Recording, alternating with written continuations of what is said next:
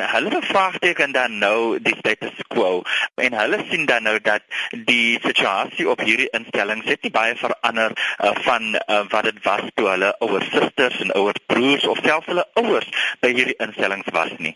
Dit is dan nou ongeduld volgens my wat die afgelope tyd opgebou het en waarom dan nou op ons tersiêre instellings van Stellenbosch tot UCT tot Rhodes en selfs by Noordwes Universiteit en ander kampusse opbou besluit die studente self hulle het nou genoeg gehad te word aangevuur deur sekere politieke partye Rudi.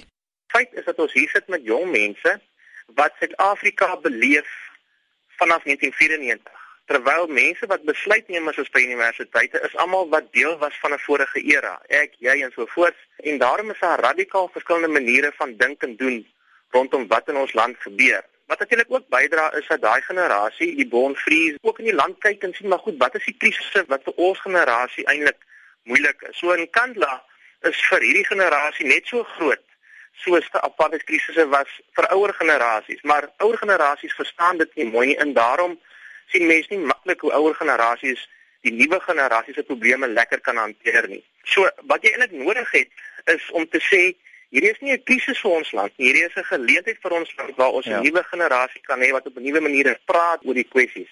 So ek voel mense moet dit aangryp, maar dit, dit ontwikkel natuurlik spontaan in wese omdat hierdie generasie 'n heeltemal ander leefwêreld het waaruit hulle kom op amper. Mens moet vra waarteen rebelleer hierdie studente.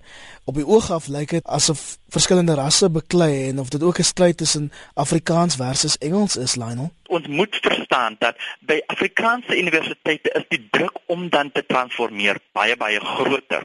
Maar omdat die oog dan so op daardie universiteite is om te verander, haal ons amper ons oog af op die Engelse universiteite of die um, voormalige swart universiteite om dan ook in 'n sekere rigting te transformeer.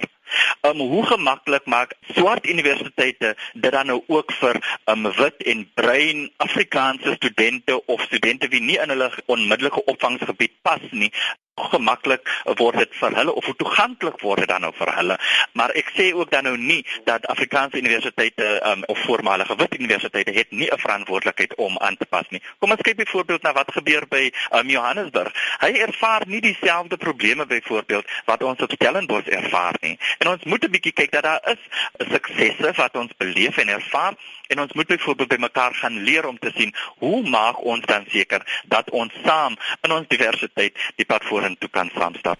Waarvoor studente reg oor kampusse in Suid-Afrika beklei is om te voel maar maar hulle is deel van die proses van besluitneming oor hoe ons moet verander. Jy weet op 'n manier soos as jy na 'n fotoalbum kyk, wil jy graag in jou fotoalbum foto's van jouself ook sien. Nie net ja. van oumas en jou familie en vriende, maar jy wil self deel wees van die foto's in daai fotoalbum. Want daai fotoalbum vertel 'n storie van van waarvan jy deel is en hoe jou lewe lyk en en, en dies meer.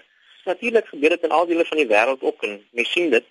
Maar die foto's wat studente sien wanneer ons praat oor hoe ons nuwe universiteite, nuwe kampusse getrou aan 'n nuwe Suid-Afrika vestig, sien hulle nie hulle self in daai foto's nie. Dis studente se struggle vir vir outeurskap. Die geleentheid hier van Iwer en ek sê weet dis waar sy aksent moet plaas. Jy weet, en om te sê dis eintlik 'n geleentheid sê jy nie as mens sweet te staan op Elsenburg is 'n goeie ding nie, maar die geleentheid hiervan is dat mens eintlik praat oor politiek, anderkant politiek. amper burgerskapbewegings. En dis wat so opwindend hiervan is. Nou almal maak foute en ons struggle maar as 'n land om dit goed te hanteer, maar ons soek na 'n politiek, anderkant partytetiek en dit is baie opwindend.